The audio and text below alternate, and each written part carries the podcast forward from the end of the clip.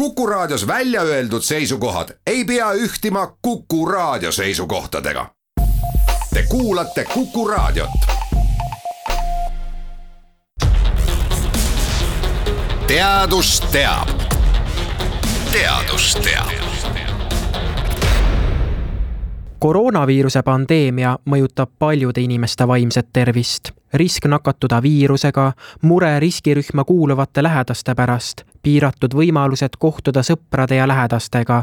Need on kõigest mõned põhjused, mis paljudele inimestele stressi tekitavad.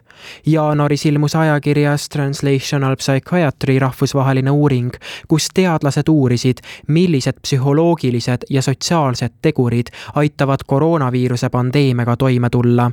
uuringusse andis oma panuse ka paar Eesti teadlast tulemustest räägibki lähemalt üks selle kaasautor Aet Oliiri põhiline asi, mis aidab, aitab vaimset tervist säilitada, on sündmuste ja olukordade positiivses võtmes hindamine.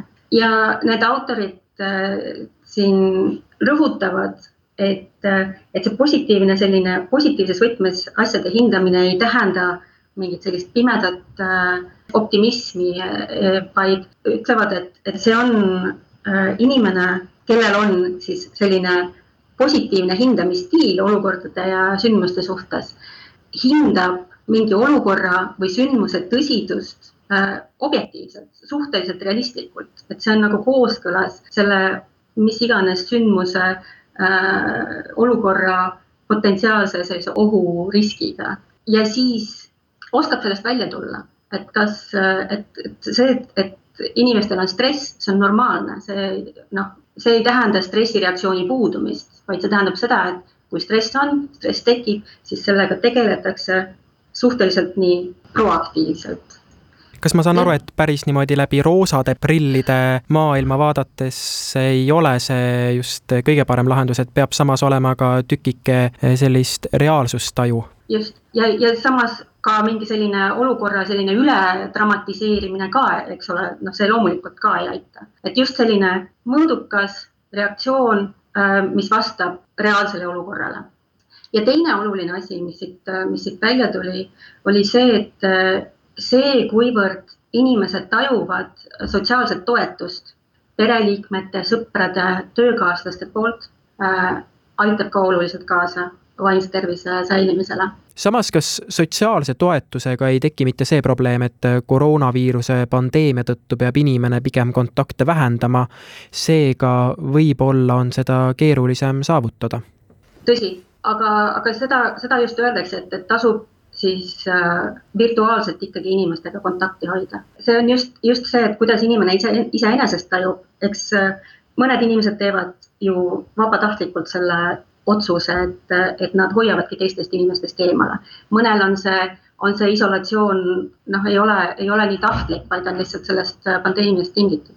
aga võime hoida sotsiaalseid kontakte on meil tänu infotehnoloogiale ju ikkagi olemas praegu, et just äh, pigem on, noh, pigem on just mure on nende inimeste pärast, kes selles uuringus ei olnud loomulikult äh, äh esindatud, sest et siin oli vaja Äh, korralikku ligipääsu äh, selle küsimustiku veebivormile ja, ja ilmselt äh, mingit sotsiaalmeedia kasutamise kogemuse olemasolu, aga, aga just need inimesed, kes koroona pandeemiast on, on eriti ohustatud, vanemaealised inimesed, kellel võib-olla ei ole ligipääsu sellistele infotehnoloogilistele vahenditele, mis tegelikult aitavad äh, seda sotsiaalset kontakti hoida. et see, see isoleeritus ja üksinduse tunne on, on, on sellised olulised selle pandeemia sellised järelmõjud sugugi ju mitte kõikidel inimestel ei äh, tekkinud seoses Covid-19 pandeemiaga vaimseid probleeme,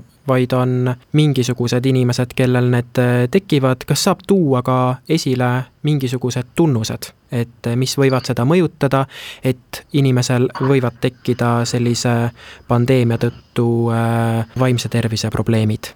see on tõenäoliselt jälle seotud sellega, et kuidas inimesed iseenesest iseenesest äh, stressiga üleüldse toime tulevad, et kui noh, sotsiaalne isolatsioon on nagu üks selline asi ja sotsiaalse toe puudus on üks selline asi, mis, mis on kindlasti riskifaktoriks. kõnealune uuring on aga üks paljude seast, sest just viimasel ajal on koroonapandeemia mõju vaimsele tervisele üsna palju uuritud.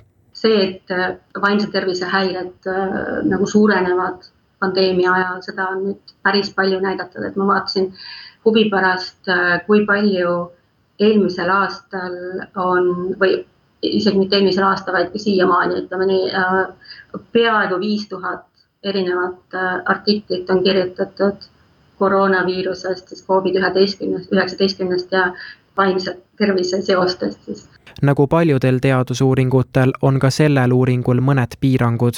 nimelt toimus uuring kevadel, kui pandeemia oli alles algusjärgus. kuigi osalejaid oli pea kuusteist tuhat, siis küsitlus toimus veebi teel ja näiteks vanemaealiste inimeste esindatus oli väike. aga vähemasti niisuguse tarkuse võib siit küll kõrva taha panna, et olgem positiivsed, samas realistlikud ning proovigem ikka ühenduses olla nii oma lähedaste kui ka sõpradega Läheme aga vaimse tervise teemade juurest edasi ajaloo ja raha teemade juurde. arheoloogid väidavad, et USA läänerannikul toimetanud Chumashi indiaanlased kasutasid hästi töödeldud teokarpidest tehtud helmeid valuutana lausa kaks tuhat aastat tagasi see on seni arvatust palju varem. siiani arvasid teadlased, et niisugust valuutat kasutasid sealsed elanikud umbes kaheksasada aastat tagasi. uuringu üks autor, Lynn Campbell, kes on tegelenud põlisameeriklaste uurimisega, ütles, et kui Chumashi indiaanlased kasutasid helmeid rahana kaks tuhat aastat tagasi, muudab see senist arusaama selle ühiskonna majanduslikust keerukusest.